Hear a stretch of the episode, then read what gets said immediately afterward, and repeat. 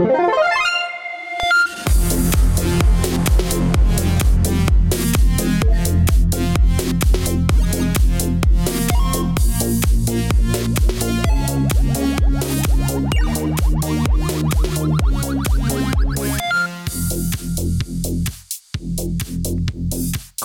dagen og velkommen til Spillmagasinet her på Studentradioen i Bergen. Mitt navn er Marius Hauan, og med meg i dag har jeg Kristian Vebse. og Ole Gåsvær. Og Hvordan går det med dere? Hatt en god helg? God uke? Jeg har hatt en veldig gøy helg. Jeg sang karaoke med fulle, gamle folk. Det høres slitsomt ut. Nei. At du gadd. Nei, jeg elsker det. Det var kjempegøy. Jeg koste meg veldig masse. Jeg spilte den i Rimworld DLC-en Biotech, som nylig har kommet ut på fredag. Så se for dere en anmeldelse på studentradiobergen.no snart. Oi, oi, oi, oi, oi. Jeg, eh, jeg, jeg vet ikke om dere har, har hørt, men jeg har jo jobb. Ja. Eh, og jeg, jeg, jeg jobber normalt på en sånn, sånn avslappa uh, bar. Men i går var jeg vikar på en, en nattklubb, og jeg har øresus. Jeg, Mm. eh, Det var fælt. Og Uh, ja, eh, det, det var veldig høyt. Så jeg er litt, litt nedsatt, men jeg får håpe å pumpe litt opp. Uh, så kan jeg bare spørre, har, har jeg spilt, spilt Du har spilt uh, Rimworld? Du har spilt noe spennende siste? Jeg har ikke spilt så mye denne veka. Har du ikke? Jeg er bare ferdig med spill. Du har sånn, Ja, nei, jeg bare Jeg, Pause. jeg, jeg, jeg har gitt opp helt Ja. på spill. Eh, Jeg vet ikke hvorfor jeg er her, egentlig. jeg, jeg har bare, jeg har bare slått, slått alle spillene nå. Jeg, er- jeg, jeg, har, jeg har gjort gaming. Ja, jeg, jeg har runda Steam, uh, så jeg har ingenting å spille lenger. Så uh, dette blir min siste episode. Ja, det, du sier at det, det er leit. Ja. Det er leit. Jeg har spilt ferdig God of War igjen, for sånn sjette gangen, tror jeg nå. Så, jeg- så, så jeg er klar til God of War komme kommer ut neste gang ut. Uh, men vi kan jo snakke litt om hva- sånn, dagens sending, men litt mer, litt mer temasending enn normalt. Uh, vi skal fo- fo- fokusere hovedsakelig på temaene rundt sånn mer seriøse tema. Så vi kan snakke litt om historiefortelling i spill, litt om politikk i spill, men vi kan bare ha en litt sånn fri, sånn, litt sånn fri samtale om disse, disse temaene. Så ikke sånn veldig sånn streng dette, dette her, men, men generelt bare, i dag skal vi snakke om sp- sånn spill som seriøst medium. Mm. Og vi kommer til å ha et intervju mot slutten med eh, professor eh, Kristine Jørgensen fra UiB om eh, hva hun driver og jobber med, blant annet eh, konseptet om transgression, i, eh, som hun kommer inn på mer i selve intervjuet, da. Eh, men vi kan egentlig bare, bare ha en liten rask pause, høre på noe musikk, og så skal vi hoppe rett inn i den fantastiske praten vi skal ha denne sendinga. Vi kan egentlig bare gå litt inn, begynne på sånn om sånn historiefortelling. For spill er jo like, er på en måte like seriøst med medium som alt annet med, altså filmer og bøker og tegneserier. At det kan fortelle veldig gode historier. Så vi kan bare ta sånn, en runde her. og Sånn, hva er deres sånn favoritthistorie fra et spill? Spill, et spill som gjør historiefortelling veldig, veldig godt. Mm. Kan vi begynne med deg, Ole? Har du et sånn godt eksempel på dette? Um, som en som hovedsakelig ikke spiller sånn trippel A-spill, jeg holder meg til mindre uh, indie-spill, um, så er ikke det mange av de som har liksom sånn den mest heavy historien. Uh, og så blir jeg veldig fort lei hvis et spill prøver liksom sånn konstant fortelle meg uh, sånn, absolutt alt som foregår i, i, i uh, verdenen. Så jeg, for, jeg foretrekker sånn storytelling som foregår litt sånn passivt.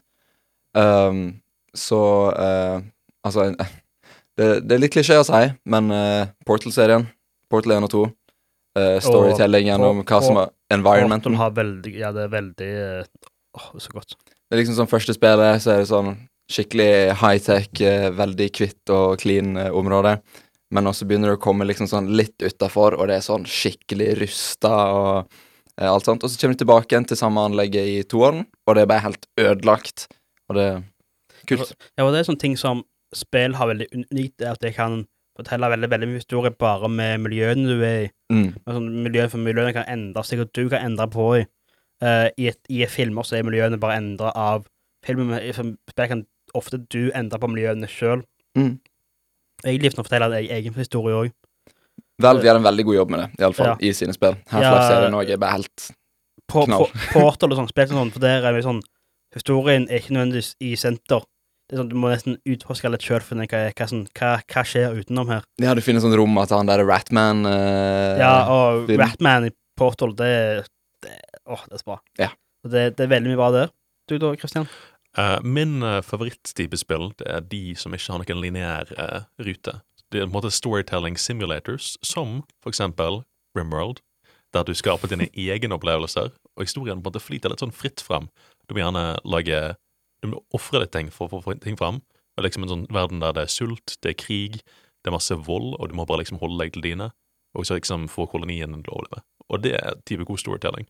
Så nå er det sånn emergent gameplay, der eh, det kan skje ting som random events, sånn elektrisiteten kan gå ut, det kan være helt mørkt, det kan være en sånn toxic fallout, en sånn nuclear winter plutselig, og så må du på en måte navigere rundt det, altså relasjonene som kommer an. Det eskalerte veldig. Du, for du kan ha alt fra, fra strømmen går til nuclear fallout. Ja, altså, altså, det er jo bare to, to sider av det. Altså, det, det, det, altså, det er innenfor en skala, det. det Usikker på hvor langt den skalaen går etter nuclear fallout, men Altså, vi har jo strømproblemer nå eh, på tiden, så så du, så du, du, du, du spør Du spår uh, nuclear fa- fallout innen et par måneder, kanskje? ja, hvem vet. Men det blir kanskje litt politisk da, men eh, Ja. det Det kommer vi tilbake eh, til. Det kommer vi tilbake til. Det kommer tilbake til.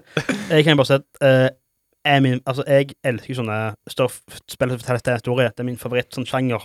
Om det er The Last of Us, eller om det går for War, eller om det er litt mer sånn litt større Cyberpunk, eller bare Red Dead Redemption, som forteller en veldig god historie. Mm. Det er sånn, det er, sånn, det er my jam. Men alle de studiene der er kjempegode på det. Sånn The Last of Us Not i dag, uh, CD Projekt Red, De er veldig gode på den. Rockstar. Det spiller sånn jeg først sånn OK, spill kan fortelle en seriøs historie. Det var Altså, jeg har spilt andre spill før, men sånn Red Dead 2 bare sånn, Dette er på nivå med sånn Det her er en sånn western-TV-serie som selger en dyp og påvirket og sånn meningshistorie om, han om art og sånn. Du blir skikkelig investert i karakteren. Du, sånn, du blir lei deg når spoiler, han dør.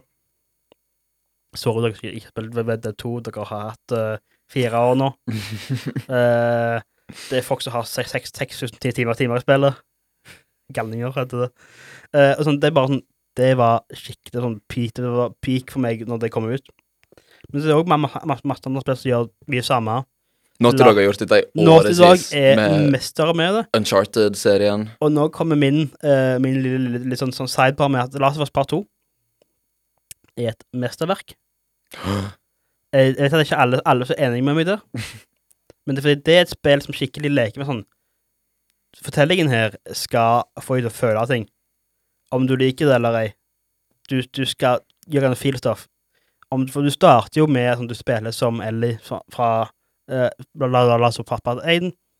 Ting skjer, og det blir sånn at du går ut for hevn.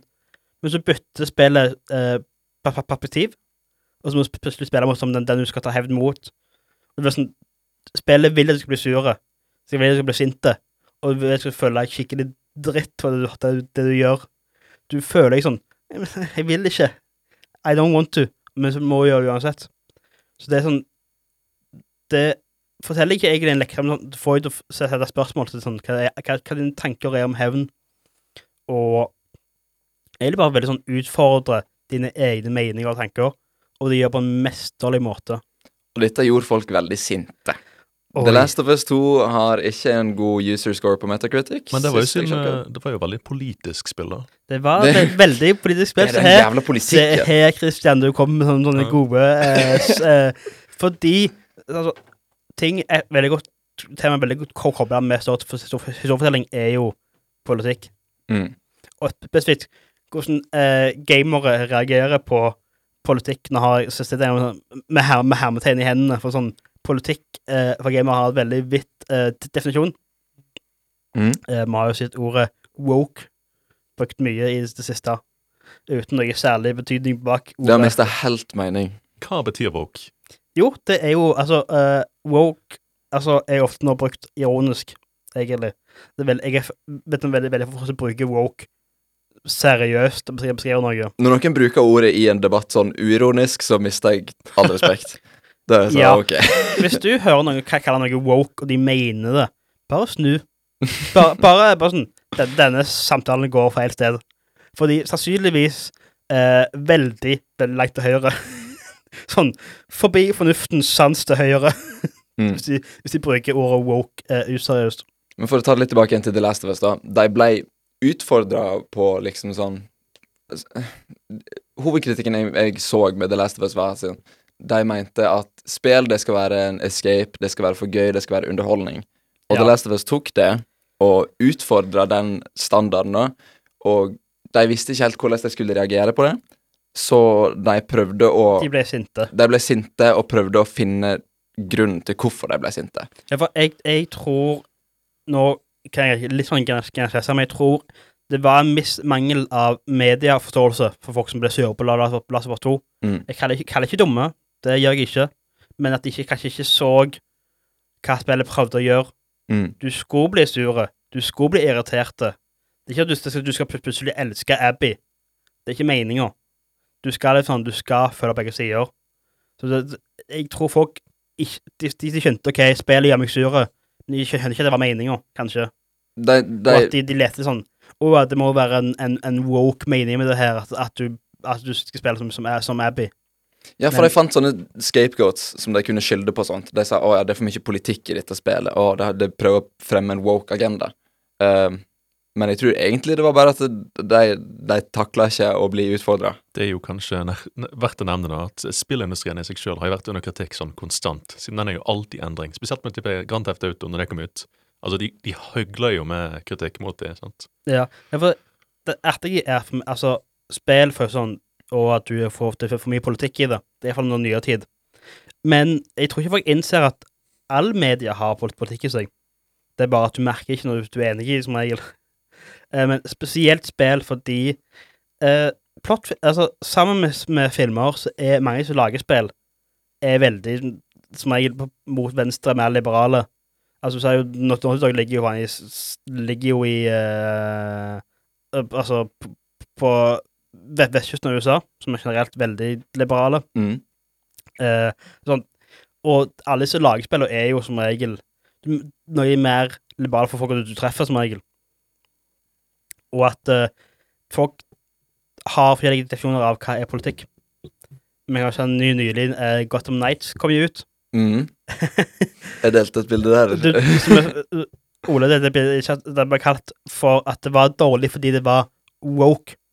Eh, og sånn, hva mente de med woke? Nei, det var at eh, Batgirl er med i spillet. Mm. Og derav er spillet woke. Fordi du kan spille som ei jente. Ja. Eh, så det er sånn Hver gang hver gang et spill ikke har en karakter som ikke er hvit, hetero og, og mann, så er han så er det woke. Men jeg tror man kan òg snakke om at uh, du, det, det er beskjeder som går over hodet til folk. sant? Noen spill har ja, politikken sin de bare eh, flyr rett over hodet. Noen spiller politikken sin skjult litt bedre enn andre. sant? For de, de sier sånn Å ja, jeg vil tilbake til den gylne æraen av spill, der vi spilte sånn uh, Grand Theft Auto. sant? Som er sånn, Grand Theft Auto er satire. altså, GTA er satire som gjør nær av uh, egentlig alt. Av, av, av alt og alle. Mm. Det er jo hele, hele poenget deres, men du merker at det er Altså, de gjør som regel mer sånn synlig nær av liberale folk, fordi det er lette mål, men de, hvis du går på de dypere temaene, så veldig, gjør veldig nær av mer sånn av, av Altså hele tre, Trevor Altså hele sånn FBI-greiene i eh, GTA 5. Mm. Altså, de gjør nær av begge sider. Jeg tror må, du ikke, må være litt sånn mer mediedyktig for å f- merke det iblant. Et uh, godt spørsmål å stille de som kaller spill woke, da, som sånn liten digresjon, det er jo eh, har kvinner og minoriteter vært godt representert i spill fra før av, eller er det bare siden liksom de får mer representasjon i spill nå, at folk bare sier 'Å, dette er woke, dette er woke'? Sånn. Ja, det er jo et veldig godt spørsmål, og jeg tror det er en, en veldig god punkt å ta en liten pause på. For vi må ha vi må ha radio, vi må ha litt musikk. Men vi skal, høre akkurat den samtalen videre i et øyeblikk.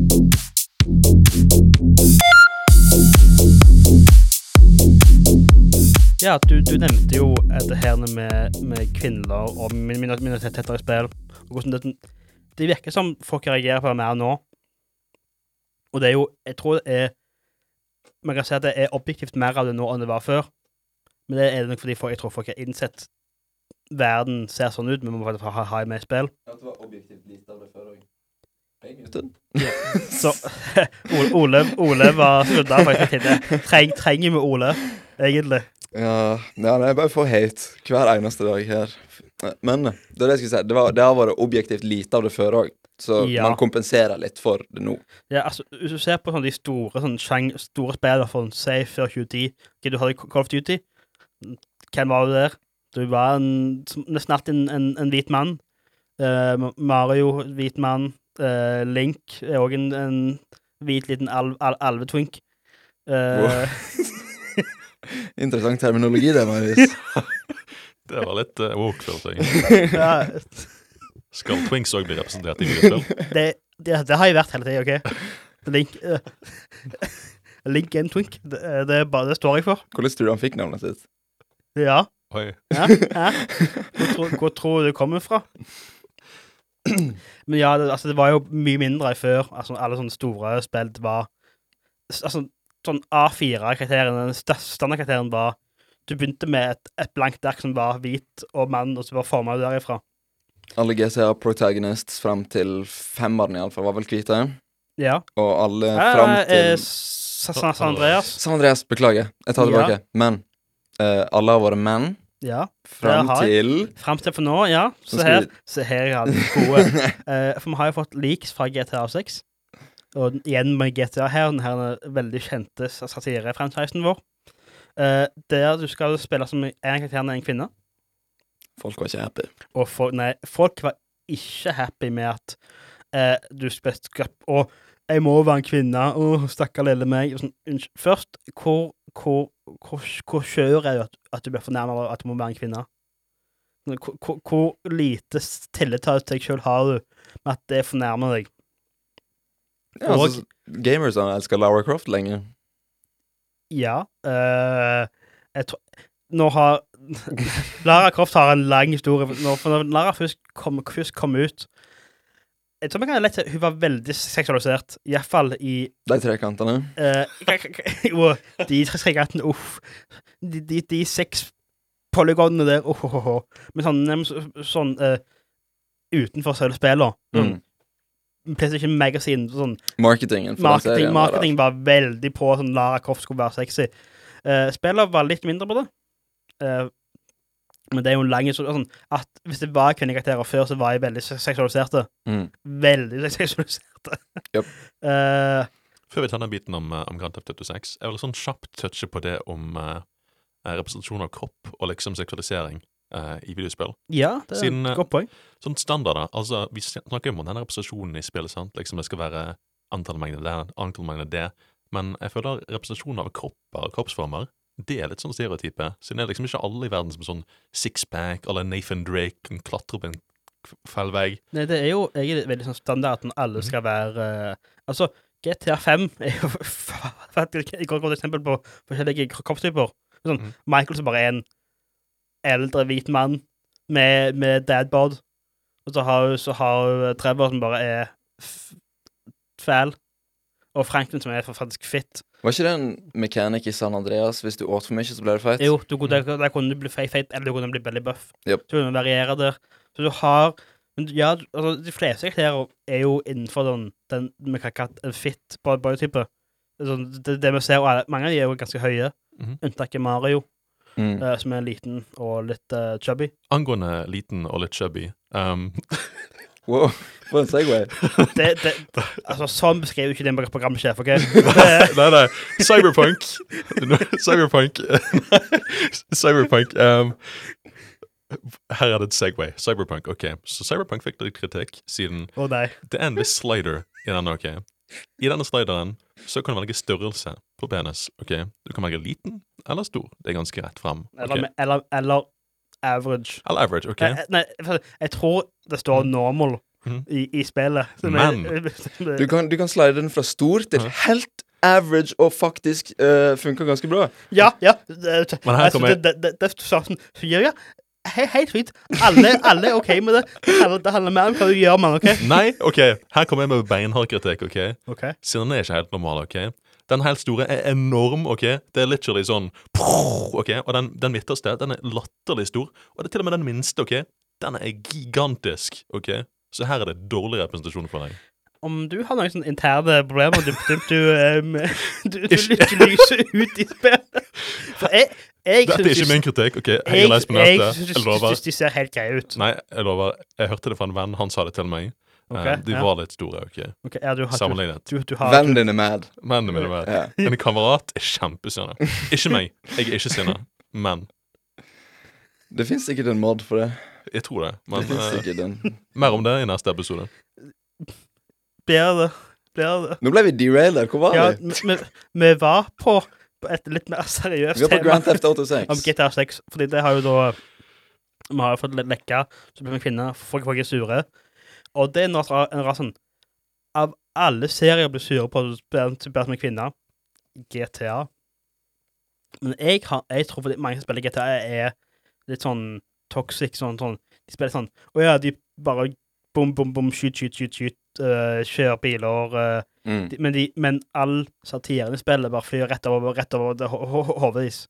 Det er sikkert derfor det er så populært. At det, liksom, det er litt derfor ja. alle sammen. Av de Hvor mange som spiller Hvor mange som spiller GTA ofte? Altså mange. Veldig mange. Uh, hvor mange av de som, som fa- fa- faktisk forstår sa- sa- sa- satiren der? Jeg tror ikke det er mange. Jeg tror du ser på en, en, en liten brøkdel av folk som sånn forstår at det, her, er- her er det tema. Mm. De ikke helt skjønner. De skjønner ikke at, at uh, alle karakterene er, er en parodi på folk. At sånn Mm. Trevor er sånn stereotypisk uh, uh, redneck, eller at Frank, Franklin er Franklin er for, så- vidt ikke så stereotypisk. Men det er jo derfor du får uh, sånn vrangforestilling fra media, der de sier sånn Å ja, GTA 5, uh, eller GTA The Perpetuate of Violence, sant. Du kommer Ja. til å stjele en bil, du kommer til å rane en bank, du kommer til å slå noen i gaten på dette. Altså, de har ikke forstått, liksom, Nei, nei, at, stereotypier. at, det er stereotyp, og at Ja. det er valg som spilleren sjøl gjør, ikke nødvendigvis hva spillet sier du skal gjøre. Mm. GTA tvinger, tvinger til å gjøre uh, Det er sånn tortur- tor- torturscene. Det er jo nesten det er sånn, Da er du tvunget til å gjøre ting. Veldig berykta scene. Mm. Jeg lurer på om det er mulig å skippe den nå. Eh, jeg husker ikke om det er mulig å skippe den, men jeg tror faktisk ikke det. da. Så det er det eneste de tvinger å gjøre. Det er sånn på det forløst eller sterke, sterke følelser. Men det at gamere reagerer på, eh, på kvinner, er ikke noe nytt. Nei. Eh, for hvis jeg husker Husker noe som heter Gamergate? Jeg er unfamiliar, faktisk. Du er unfamiliar. Jeg er unfamiliar. Forklar til meg og seerne og lytterne. Det er Gamergate. Ja, det her var en greie som skjedde rundt 20, mellom 2013 og 2015. Jeg var elleve. Som Ja, jeg var, jeg var 13. Mm. Uh, avhengig av hvem du spør, så handler det om to ting. Enten sånn uh, ethics and gamesjournalism, ju- games journalism, som den, som er den forsvaret sånn Det var kanskje der det starta, men det utvikla seg inn til en, en krangel mellom en litt mer f- f- feministiske syn på spill, som jeg må innrømme at de kanskje gikk litt, litt, litt langt til tider, eh, og folk som gikk ekstremt imot det. Og det her, hele den her anti-SJW-greia på nettet oppsto fra det her Gamergate-shitet. For du hadde jo folk som uh, Sarkisian, som var en, eh, en spill... eh, en mediekritiker, som gikk veldig, sånn, veldig hardt på at spill var uh, antifeministiske. Hun brukte eksempler som Altså, jeg tror ikke hennes hus eh, poeng i seg sjøl var fæle. Det det en del gamer som var det, men hun hadde veldig dårlige, dårlige eksempler. Hun, hun, hun, hun brukte sånn at du kan drepe strippere i et spill, som Mm. eksempel på at de var antifeministiske. Sånn. Eksemplene hus gjorde ikke hus noen tjenester.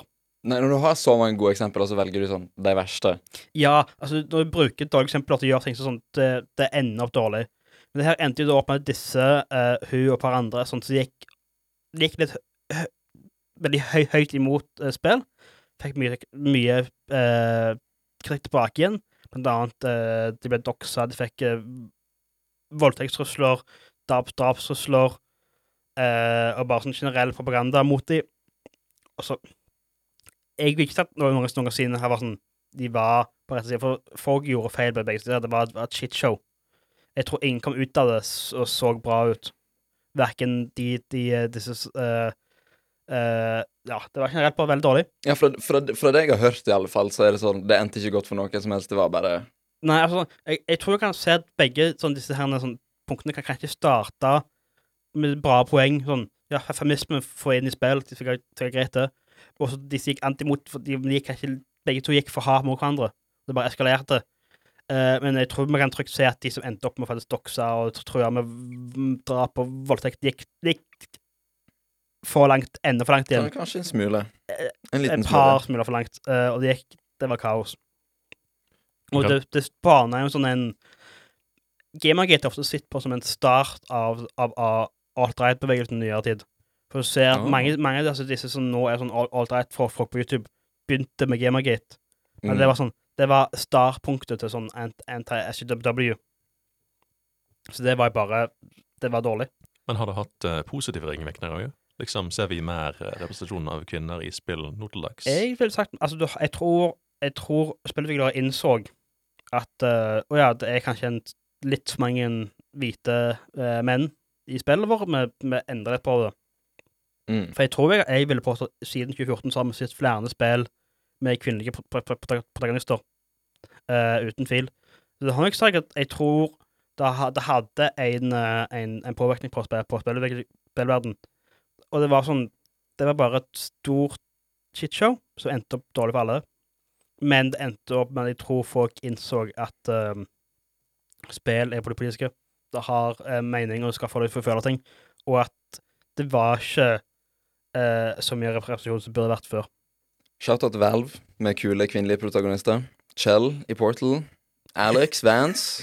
Jeg kan nevne, nevne Shell som faktisk som ikke sier et eneste Hun sier ikke et eneste ord, men gjennom, gjennom spillet Så det, det, det er masse karakterbygging uten at hun sier noe. Jeg tror hennes eh, voice actor er min favoritt-voice actor i Mm. videogamet. Ja, eh, jeg, jeg er veldig enig. Uh, og jeg bare, kan jeg bare først, først, først inn akkurat det her sånn Dette er noe jeg har sett uh, i nyere tid, ikke nødvendigvis denne uh, forstand, men så så, i- med Riot Games. Hvordan de hadde en intern uh, et militært miljø av uh, misbehandling av kvinner, bare generelt trakassering og, og sånne ting. Mm. Uh, og sammen med andre Blizzard hadde også- Activision Blizzard. Activision Blizzard, Blizzard det var en historie, veldig trist, trist, trist historie. Men jeg endte opp med å ta selvmord fordi hun hadde blitt uh, voldtekt på en jobbtur og ikke fikk støtten hun burde. Dette har ikke jeg hørt om. Hva Men faen? det, det her var det, det, ikke Altså, veldig trist historie. Veldig fælt. Veldig dårlig. Og det viser jo på at spillverden har generelt behandla kvinner dårligere. Eh, og det er nok bare ting som gamere er dårlige til for tida. Må bli bedre, bedre til.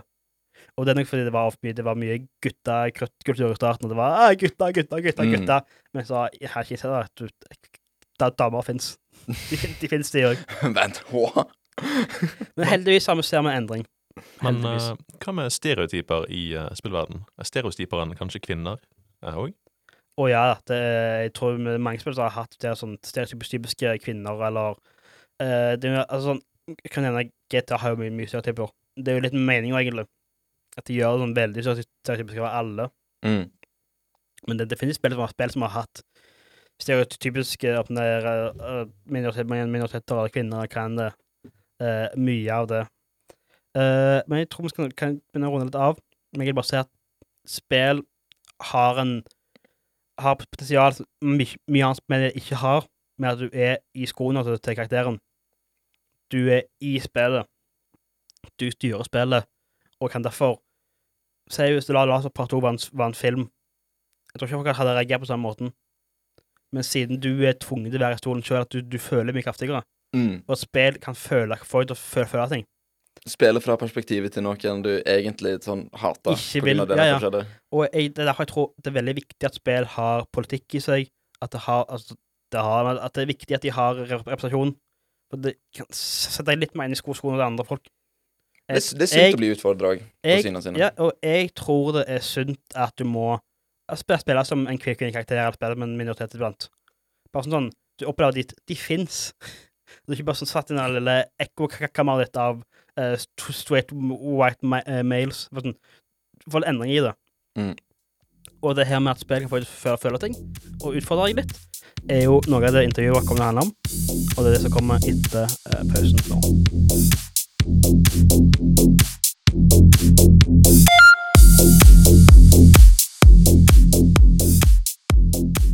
Da var vi her tilbake i studio, og vi har fått med oss en, en gjest denne gangen.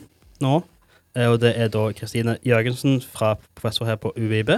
Ja, Kommer det deg. stemmer. Eh, Og du er eh, Jeg har blitt tatt med deg som professor i gaming, men jeg antar det ikke er din offisielle tittel. Nei, dessverre så er det jo ikke det. Eh, nå er jeg eh, noe såpass eh, kjedelig som eh, professor i medievitenskap. Ok, eh, Litt mer off, off, Litt, litt mer offentlig akademisk, ja, men fortsatt veldig interessant eh, felt, vil jeg si, da. Ja, altså, nå vet ikke hvor generelt vi skal gå inn i det her, men, eh, men medievitenskap er jo et sånn allround-felt som eh, på en måte inkluderer både Kan inkludere alt og ingenting. Ja, det var kanskje litt teit å si om et eget felt at det kan være ingenting, men poenget er det at det er ganske Det er jo ganske tverrfaglig. Det er, har jo perspektiver fra alt fra sosiologi, litteraturvitenskap osv., psykologi osv., kunstfag. Eh, så det er jo selvfølgelig plass til dataspill der også. Og eh, mange mener jo at dataspill er et medium. Jeg er blant de som mener at dataspill absolutt er et medium som på en måte har eh, muligheter til å på en måte presentere budskap som andre medier. Eh, og eh, ikke minst har evnen til å på en måte eh, eh, berøre oss på, på mange måter som, som eh, det andre medier gjør.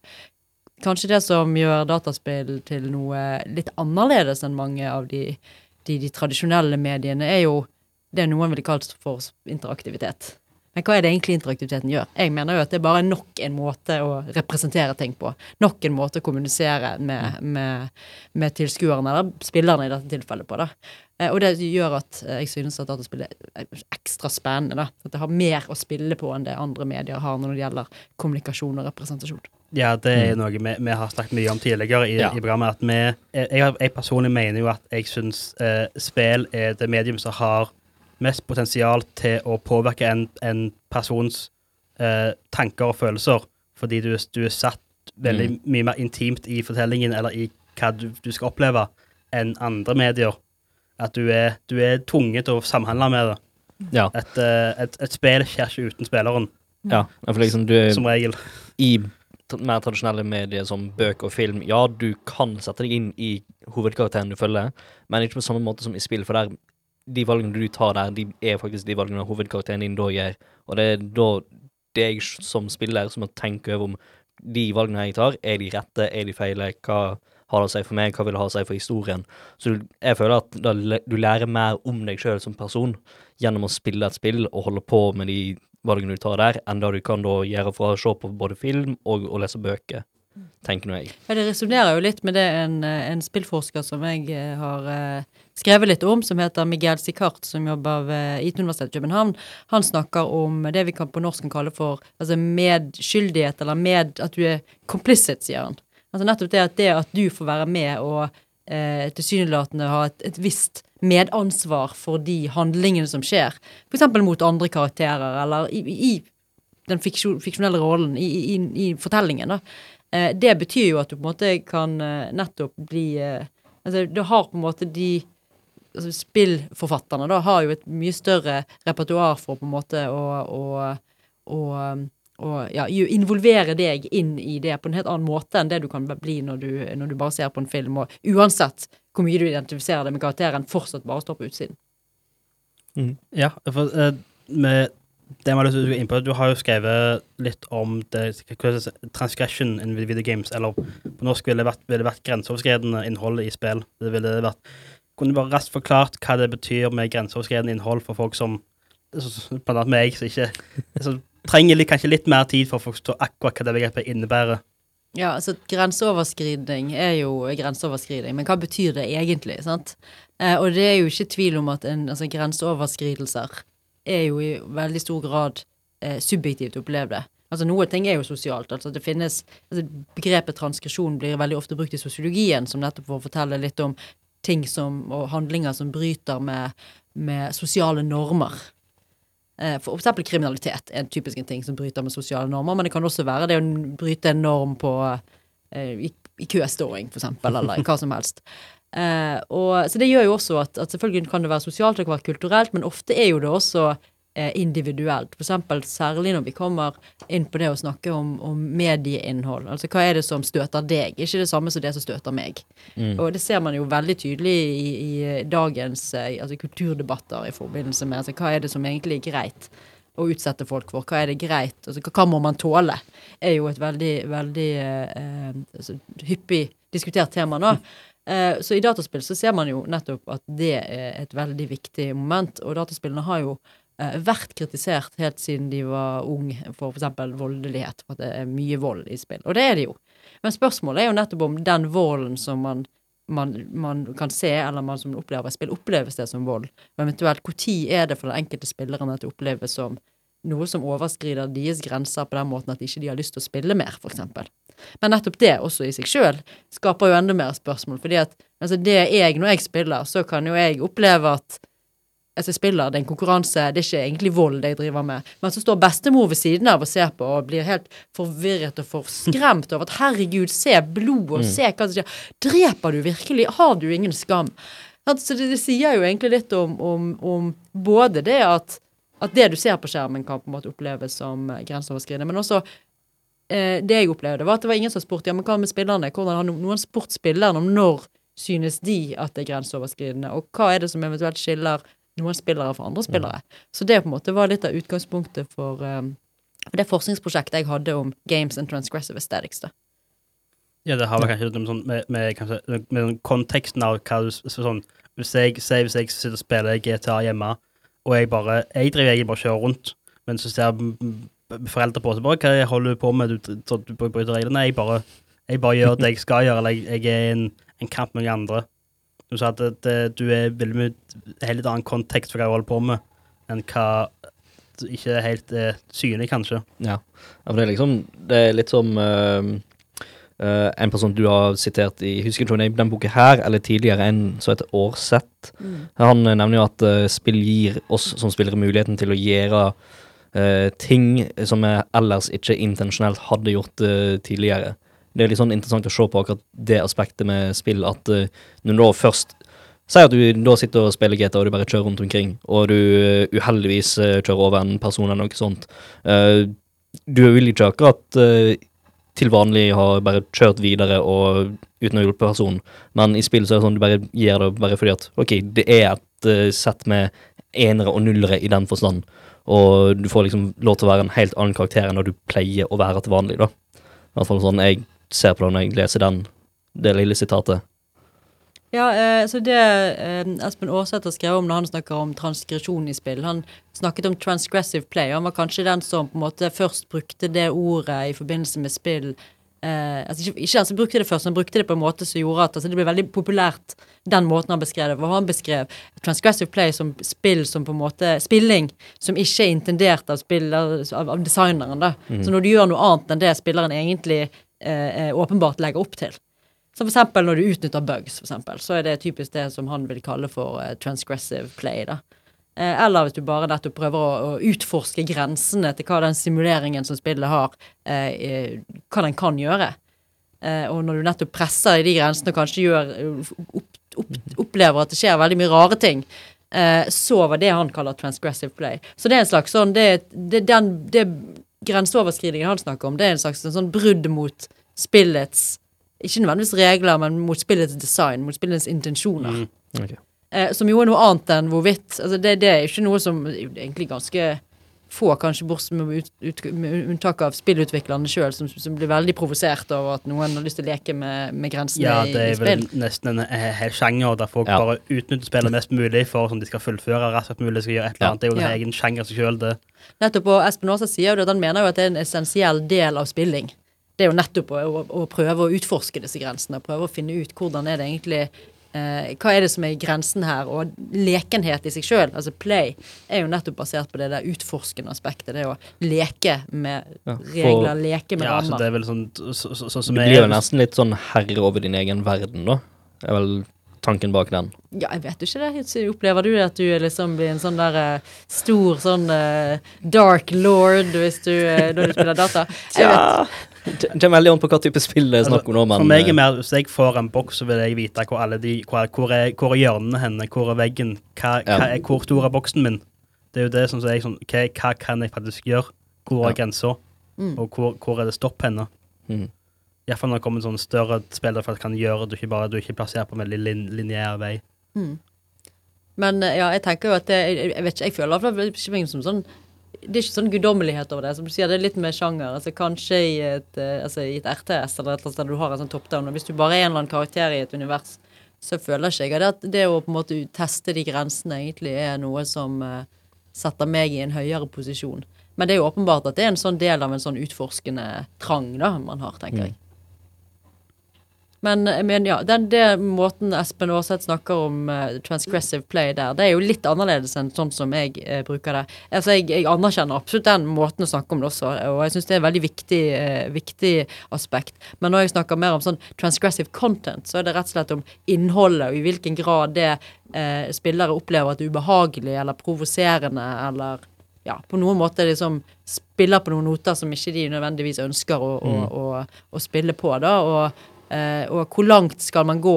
Altså Hva er det som skal til for at en spiller finner ut at nå synes jeg at grensen min er nådd, nå har jeg ikke lyst til å spille mer. Den var jeg litt interessert i. Det, ja, for det Ja. var jo et av de, de punktene altså, så jeg sa det så, så, så tenkte det her kan være gøy å snakke litt om, for når jeg, jeg endelig spilte eh, veldig eh, The Last of Us Part 2, som jeg eh, gjorde meg veldig ubehagelig, og jeg elsker for det, men sånn, det tenkte jeg, ok, hvor et sånt spill kan virkelig få meg til å Mm. føle at nå ble jeg sint, nå ble jeg sur, nå ble jeg, nå ble jeg sint på spillet.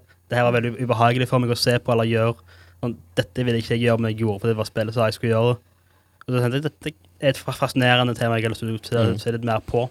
Mm. Det var sånn det spillet, sånn, så der, der må jeg finne, finne mer ut av. Ja, men Det er jo en ting som du nevner Jeg husker ikke om du har nevnt det i boken, men jeg vet for at du nevnte det på den forelesningen. Eh, hvordan du da kan ha det som blir sett på som godt ubehag og dårlig ubehag i spill. Og det er jo litt der du forklarer noe med The Last of Us, er jo et godt ubehag. At de har gjort det på en god måte, at du fortsetter med det, men du, har, du føler ikke at du Du har et sånn sterkt ubehag til å måtte gjøre det, for at det er ikke sånn du er som person, tenker jeg. Ja, det er, ikke sånn, det- er ikke sånn jeg måtte skru av Ja. ja. men Men om det, om det er noe du har lyst til å utdype litt mer nå, Mm. kanskje?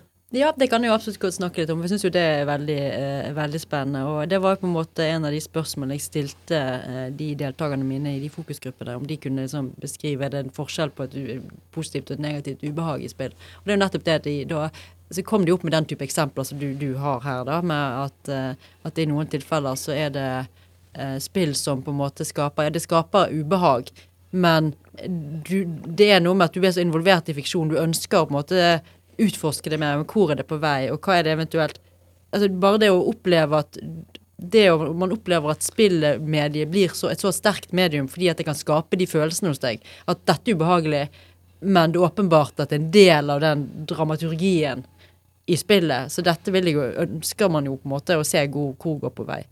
Eh, og så bare det at det sier at du opplever jo kanskje at du lærer litt om deg sjøl. For at hvis du på en måte har den responsen til det, så kan du på en måte sette deg inn i situasjonen til de karakterene. Og hvordan de kanskje føler det i den, i den situasjonen. Men eh, jeg så jo det i, i studiet mitt at jeg, jeg, jeg sa jo at altså, de situasjonene der spillere opplever at det ubehaget eh, de har, at det er et meningsfullt ubehag. At det skaper noe ekstra til den fiktive eller spillsituasjonen de er i. Så var det en måte altså det, det var noe som gjorde at spillerne hadde lyst til å på en måte altså Da var de villige til å takle mer ubehag. Da var de villige til å altså de, de, de lå gjerne ikke fra seg spillet når det var den type ubehag. Det er da de ville spille videre. De vil vite hvor dette her, her ender. Mm. Og jeg så jo det at spillerne har jo på en måte ulike hva skal vi kalle det for, teknikker for å på en måte håndtere eh, ubehag i spill. da, Som gjør at de på en måte, som gjør, gjør at de er villige til å spille videre. Eh, Og dette var jo en av de. Et annet eksempel var jo det for eksempel hvis det nettopp var med en gang det var puttet inn i en humorkontekst, så var de også villige til å akseptere mer, selv om de kanskje ikke aksepterte humoren. For eksempel hvis de synes at, at, at eh, altså, ting som at for eksempel hvis det var eh, vitser, altså det kunne være misogynistiske vitser, eksempel, som, eh, som de på en måte i ingen måte sto inne for sjøl eller syntes var noe særlig morsomme, men da kunne de si at ja, men ok, spillutviklerne har prøvd å gjøre dette morsomt, så da blir det litt sånn ok, da er det jo litt Det gjør det mildere, men fortsatt smakløst, på et vis. Så da kunne hende de også var villige til å på en måte spille videre, selv om de ikke på en måte var, var med på vitsen, da, kan du si det på den måten. Og andre tilfeller er jo nettopp det at det er så interessant med dataspill, som jeg nevnte innledningsvis, er jo det at dataspill på en måte har så mange strenger å spille på når det gjelder det å fortelle fortellinger og det å representere. Eh, og det man ser på spill, er at sant, spill de forteller gjennom fiksjonen, representasjonen, og de forteller gjennom spill, altså game mechanics, gjennom simulasjon, kan man kanskje si det. Si det. Og det betyr at spillerne kan på en måte velge eh, hvilken av de to de vil holde fast ved. Så selvfølgelig, de fleste spillere velger kanskje en kombinasjon av det i de fleste situasjoner. Men i noen situasjoner, f.eks. hvis de da opplever at, at selve spillinnholdet blir smakløst eller ubehagelig eller noe de ikke står inne for, så velger de å se bort ifra det, og så fokuserer de på spillet bare noe, som noe som skal vinnes. Altså et, bare som et spill, så ser de vekk fra fiksjonen. Det så vi også et eksempel på. Det dere hørte, er første kvarteret av et lengre intervju som ligger nå på Spotify, iTunes og andre podkastplattformer, der dere kan høre hele intervjuet uredigert.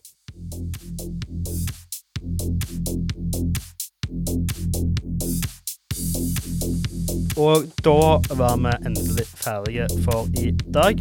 Nå har jeg- fått møtt med oss Agnar her inne i studio for Hei, å hei. si, for å si ha det, siden han var med og intervjua. Så det har vært en ganske spennende sending, syns jeg. Mhm. Jeg, jeg, jeg er kanskje litt uh, biased sjøl, siden jeg var, var med på den. Altså, uh, alle er vel egentlig litt biased med tanke på at det er vårt program, og vi har hatt en Den verste sendinga hittil. Nei! Jeg syns det har vært en kjempeflott sending å være med på. Så. Jeg tror det er mye tema her som har- vi kommer sikkert til å snakke om mer, for det er mm. veldig interessante tema. Ja, det, vi har så vidt begynt å skrape på overflaten. ja, det, det her er bare en, en liten sånn Hvis det her er fl- fl- flakslodd som bare har skapt én lite hjørne av hele loddet, som har masse igjen til, og hvis folk har noen i tanker eller ideer, bare send det inn på Instagram. Bare send oss melding der, en DM der. Jeg skal prøve å svare så, så godt jeg kan. Altså, ta Ja. opp sending. Gjerne send oss direktemelding òg på Facebook og Messenger og sånt. Ja, hvis det, det er noe dere har lyst til å ta opp. det er veldig mulig. Men med tanke på den flakslådmetaforen, eh, flakslodd-metaforen, eh, til dere der hjemme, eh, gi oss gjerne tilbakemelding. Eh, Ble det gevinst? Ja, eh, hvis du hører oss Hvis du hører Fuck på deg. Fuck deg. Hvis du hører på iTunes eller Nei. Spotify, gi oss en vurdering. Eh, helst fem av fem. Det er jo det som er best. Et, vi tolererer fire av fem òg, men uh, lavere enn det kan du bare Lavere enn tre, bare, Lavere enn tre, og jeg sporer deg ned. Jeg finner Ja. huset ditt. Send oss gjerne brev på oss òg. med, og, og gi deg en klem, for vi oppfordrer ikke til vold her i Spillmagasinet. True. Nei da. Nei da. Med mindre jeg heter Ole. Ole går greit. Ole, Jeg gir unntak her. går greit med. Og vi har her er vårt første intervju for semesteret. Mhm. Eh, vi skal prøve å få det flere, kanskje. Hvis ikke så har vi garantert en intervju når neste semester gir, i. Ja. Uh, noe mer enn det. Vi har noen nettsaker på vei. Uh, noen anmeldelser, kanskje. Og jeg kan jo bare tease allerede nå at om i 9. ok- ok- oktober kommer jeg gå forut. Nei, 9. november kommer jeg gå forut. Og jeg er temmelig sikker på det er flere her i rommet som skal spille det. Mhm. Flott at du retter på det sjøl, sånn at du ikke får flere streker. Ja, jeg, jeg 9. november 9. oktober har allerede skjedd. Ja. og det kommer garantert en bonuspod bare om Golf War om, en, om et par uker. Det kan jeg garantere dere. Kommer det ikke. Og anmeldelser og alt, alt sånt, så klart. Uh, så bare følg, opp- følg med på Instagram. Kommer det sikkert noen bilder der snart om fra, av oss og intervjuet og alt noe sånne ting. Eh, så jeg tror med det at vi kan runde av. Jeg har vært med i Sauan. Med meg har jeg Ole Gåsvær. Agner Haubry Haugen. Og Christian Bremsø. Husk å smash den like-button. Smash like-button. Trykk på uh, bellen. Spotify har en bell. Ding the bell button! Ja, Ding the bell button. Og, og følg oss på Instagram. Følg oss på Ja. Instagram. Please. Med, med. Please. Hey, please. Please. Please, du. Vi skal ikke love å, å, å være mer aktiv der folk følger oss. Det, Lik og subscribe. Ja. Og så hva dere synes i kommentarene under. ja, kommentarer, ja. Denne outroen har vart altfor lenge. jeg, vil ut! jeg, jeg tror med det at vi sier ha det. Bye. Ha det bra. Du